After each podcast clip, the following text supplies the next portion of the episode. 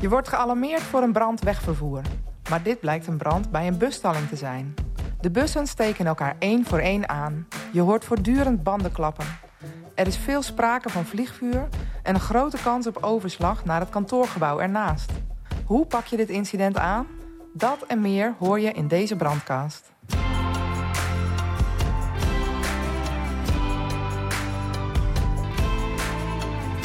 Leuk dat je luistert naar de brandcast van de VRU.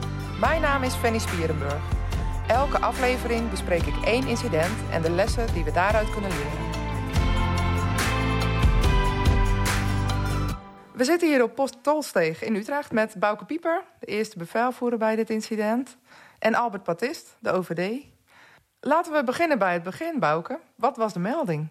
Uh, eerste melding bij uitdrukken was uh, voertuigbrand. Prio 1 voertuigbrand. Dat is eigenlijk een van de vele meldingen van voertuigbrand die wij hier binnen de stad ook gewoon kennen. Ja. En toen je ter plaatse kwam, wat... Uh...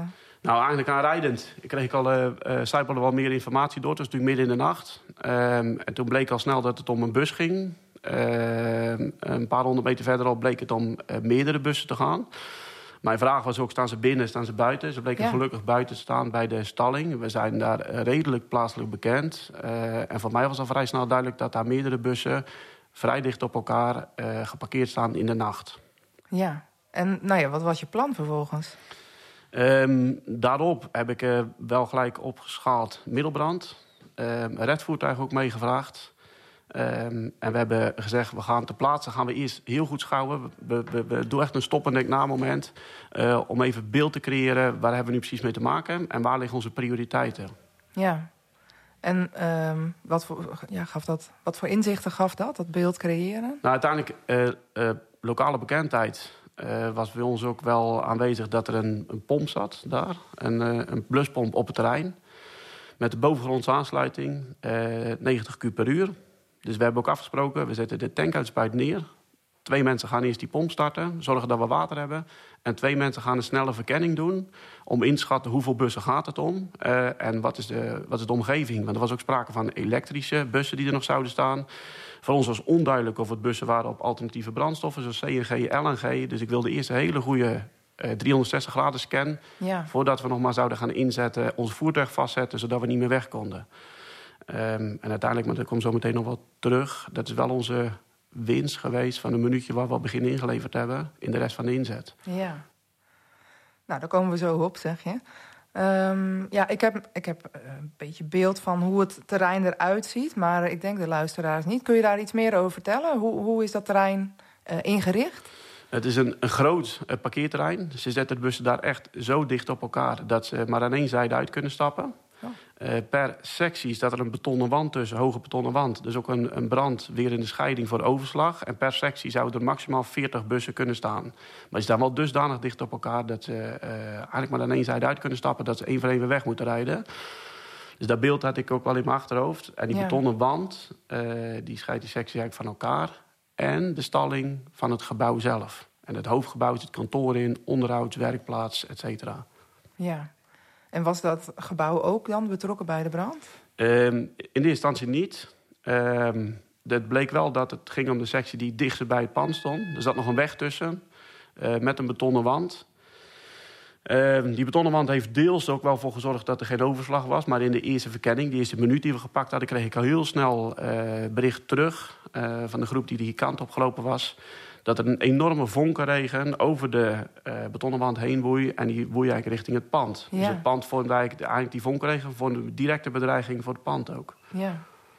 En wat, wat ging je daarmee doen? Nou, toen hebben we besloten, uh, gelukkig hadden we de auto nog niet uitgepakt... hebben we besloten om de, om de te verplaatsen. En in plaats van dat we uh, direct in gingen zitten op een voertuigbrand... wat we eigenlijk nog maar niet te doen... hebben we gezegd, we gaan hier uh, afscheiden. We gaan een waterkanon neerzetten op de weg tussen de betonnen wand en het pand in. Ja. En we gaan het pand afschermen. Uh, want die bussen die kunnen we hier niet meer redden. Zeker met de slagkracht die wij hebben niet. Uh, we gaan inzetten. Uh, de redvoertuig had ik daarbij ook een opstelplaats gegeven op de hoek van het pand. Die kon monitoren wat er op het dak gebeurde. Dus dat we later ook uh, die konden voeden en vanaf boven ook een waterkanon in konden zetten. Ja. Zonder wat voertuigen, busje, wat auto's op de weg tussen de betonnen wand en het pand in. Die hebben we nog weg kunnen rijden, hebben we nog kunnen verplaatsen. Sowieso hebben we daarmee die voertuigen gespaard. En als die gingen branden, ja, dan stonden ze direct tegen het pand geparkeerd. Ja. Dus zodoende ehm, hebben we echt wel heel snel moeten schakelen. Van inzetten, eigenlijk een, een gelijk offensieve inzet op een voertuigbrand... naar een offensief buiten op beschermen van een pand. Ja, ja. Toen ik daar liep, tussen die wand en het pand in... Uh, en de impact van die enorme vuurzee ook voelde en echt hoorde. Want je hoorde diverse uh, vrachtwagenbanden of bussenbanden klappen. Realiseerde ik me ook, had rijdt het ook een SB, schuimblusvoertuig, gevraagd. In verband met voertuigbrand. Uh, twee tankuitspuiten, een redvoertuig en een schuimblusvoertuig. Ik heb echt watertekort. Um, en toen had ik ergens in mijn achterhoofd de OVD op de lijn gehoord. En die had me daar mooi in aangevuld, WTS 1000 gevraagd. Dus ehm, wat dat betreft ook blij met de komst van de OVD... die op dat moment echt taken van je over gaat nemen. Want je loopt anders gewoon over. Ja, toen ik, uh, toen ik de melding kreeg... toen uh, heb ik eerst telefonisch contact gezocht met de meldkamer. En toen kreeg ik door uh, bussenbrand... in ieder geval twee bussen in brand opgeschaald naar middelbrand... toen ben ik naar de auto gegaan, ben ik die kant op gereden. Enigszins meegelezen tijdens het aanrijden zag ik al dat Bouke naar zeer groot was gegaan. Met een redvoertuig en een SB. Ehm, toen heb ik de veiligheidsaspecten even, even bedacht tijdens het aanrijden. Van joh, wat, wat gaat hier nu een rol spelen qua veiligheid van ons eigen personeel? En toen kwamen er een aantal zaken naar voren. Uh, wat voor bussen staan daar, zeg maar? Hebben ze LNG, CNG of aardgas? Zijn ze elektrisch, diesel? Uh, hoeveel, hoeveel eh, vrachtwagenbanden hebben we daar te plaatsen? Uh, en eigenlijk, uh, gezien de vuurlast uh, die het met zich meebracht... dacht ik van nou, wat ik in ieder geval daar wil hebben... is slagkracht en warplengte. en de opschaling van een SB die voldoet natuurlijk prima in plan... Alleen heb ik daar ook mijn waterwinning bij nodig. Dus heb ik een WTS 1000 in ieder geval laten komen... voor de ondersteuning voor het SB. Um, eenmaal te plaatsen uh, was iedereen al bezig zeg maar, om uh, uitbreiding tegen te gaan. In ieder geval om de, om de overslag te pakken van de, van de bussen naar, uh, naar het pand. er stond heel erg veel wind die nacht. een ongelofelijke vuur, vuurzee. Toen ik daar aankwam, dacht ik van nou, hier, hier gaan we voorlopig niet meer weg. Ja. Um, heb ik een verkenning gedaan over het terrein, wat, wat echt wel groot is. Ik heb echt met de auto rond moeten rijden om te kijken hoe groot is dit terrein en waar hebben we de waterwinningen. Ik zag dat Tolsteeg uh, al op een ondergrondse brandkraan zat. Uh, en enigszins rondrijdend zag ik dat er vier punten waren om voertuigen te kunnen voeden. Nou, dat kwam goed met het plan van Bouke, kwam dat overeen. Want die hadden opgeschaald naar zeer groot. En alle vier de voertuigen konden een eigen aansluiting pakken op het terrein. Afgesproken dat mensen alleen maar in gaan zetten met uh, waterkanonnen.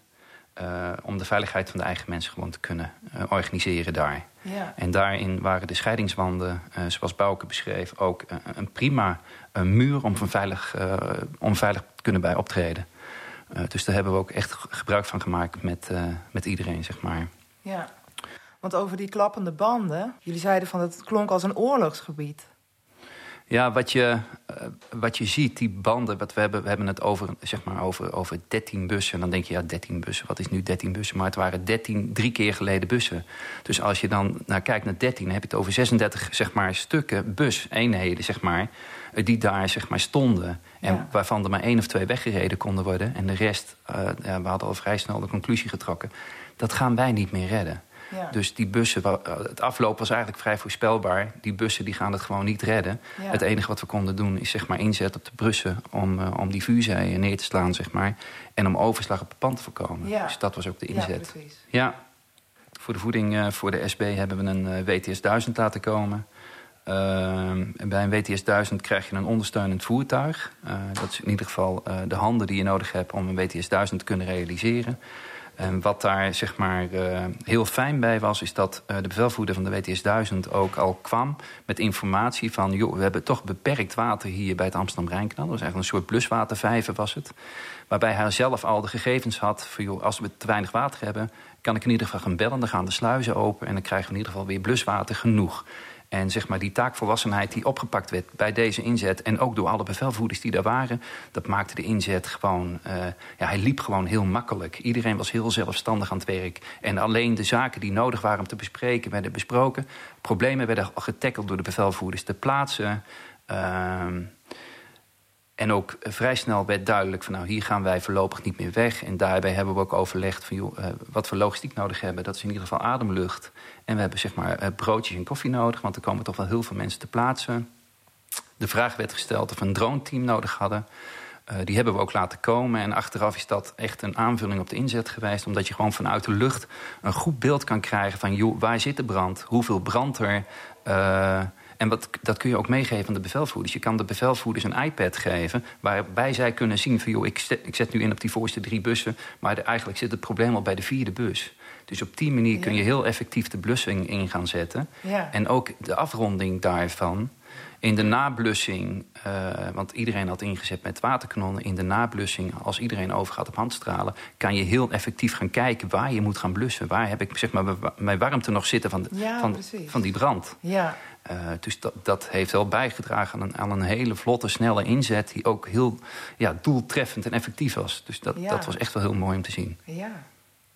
Het is echt wel een inzet om op terug te kijken. Dat ik denk van nou, die is echt heel goed gelopen. Ja. ja, wat ik ook mooi vond om te zien is... we hadden natuurlijk onderweg al even contact. Uh, ik heb jou uh, eigenlijk met mijn hand aan de spiegel nog heel even gesproken. En op een gegeven moment ben jij doorgereden met de bus. En je hebt gewoon een rondje rond het hele terrein gereden... Uh, om je 360 graden beeld compleet te maken. En daar hebben we later echt wel profijt van gehad. Ook, ook met het plaatsen. We zaten heel snel in de opschaling.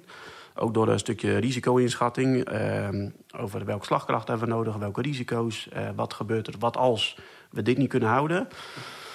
Uh, daardoor snelle opschaling. En volgens mij door die verkenning die jij hebt gedaan met de bus... ook heel snel voertuigen weg kunnen zetten, kunnen plaatsen... zodat we ja, optimaal effectief waren, efficiënt waren. Gereed voor wat, wat komen ging. En dat was eigenlijk, ja, dat onvermijdelijk was. Er zijn inderdaad, precies wat jij vertelde, nog een aantal bussen weggereden... Maar het was vanaf begin af aan al duidelijk dat... Uh, en dat, was ook, dat is misschien ook wel goed om te vermelden. Wij hebben ooit een bedrijfsbezoek daar gehad. Het is ons ook verteld, er is hier in de planvorming ook ingecalculeerd... dat bij een brand die 40 bussen verloren mogen gaan. Dat kunnen ze in de dienstregeling opvangen, dat kunnen ze financieel opvangen. Dus waarom zouden wij dan nog extreme risico's gaan nemen... op een brand die eigenlijk al onbeheersbaar is... En ons beter richten op uh, zaken waar wel winst te behalen was. En ik denk dat die communicatie vooraf goed afgestemd is...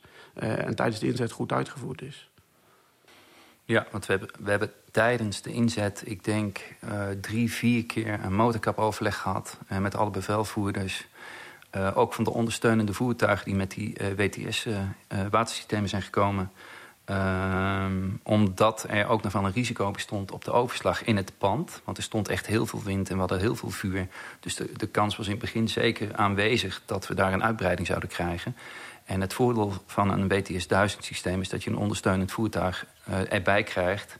En die kun je gewoon, uh, als het WTS is opgebouwd, kun je ze ook gewoon weer inzetten. Dus ik heb zeg maar op de controle van het pand heb ik die voertuigen gebruikt die bij, met die WTS watersystemen zijn meegekomen. Ja, dus vandaar dat we een goede verdeling konden maken tussen zeg maar twee, vier voertuigen buiten, zeg maar op de bussen. Ja. Uh, een BBT-voertuig uit Nieuwegein hadden we erbij met zijn Fire Defender, die hem ook nog tussen het pand en de bussen heeft neergezet, zeg maar.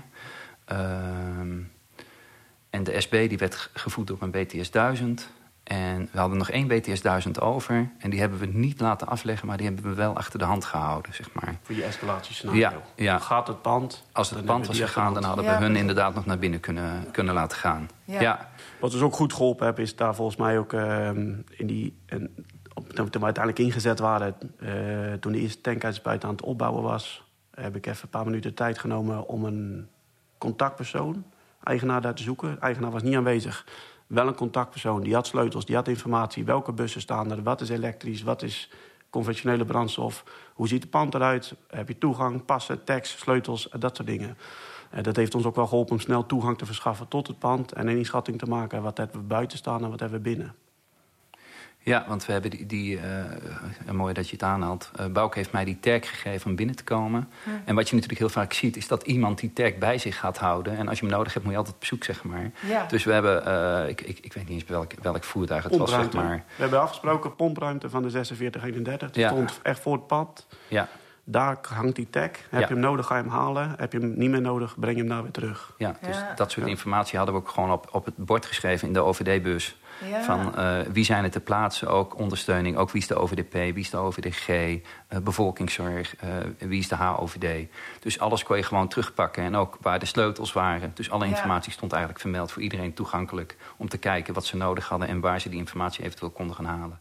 Ja, dus kort samengevat, eigenlijk drie zaken. Stop en denk na. even tijd genomen. Een goede inschatting van de risico's. kwadrant en slagkracht bepalen. En de risico's eigen personeel hebben we besproken. Nou ja, en als we dan zien dat we uh, om vijf uur, rond vijf uur krijgen we de eerste melding. Uiteindelijk 80 man ingezet, vele voertuigen ingezet. Uh, en om zeven uur geef je status uh, ingerukt. Dan kijk ik terug naar een, voor mij echt een, een mooie, leerzame inzet. Nou, dat lijkt een mooi moment om dit gesprek mee af te ronden. Dankjewel Albert en dankjewel Bouke. Graag gedaan. En Bouke, het is ook nog vandaag je laatste dag hier bij de veiligheidsregio ja, heel veel succes en plezier bij je volgende stap in ja. uh, de veiligheidsregio Zeeland. Ja, mooi eraan denkt. Uh, dankjewel. En jij bedankt voor het luisteren. Wil je meer lezen over dit incident? Je kunt het rapport van brandonderzoek, het uitreksel van leren van incidenten... en ook een artikel uit 112 Magazine vinden in de ELO... of op intranet bij Leren van Incidenten. Werk veilig en tot de volgende brandcast.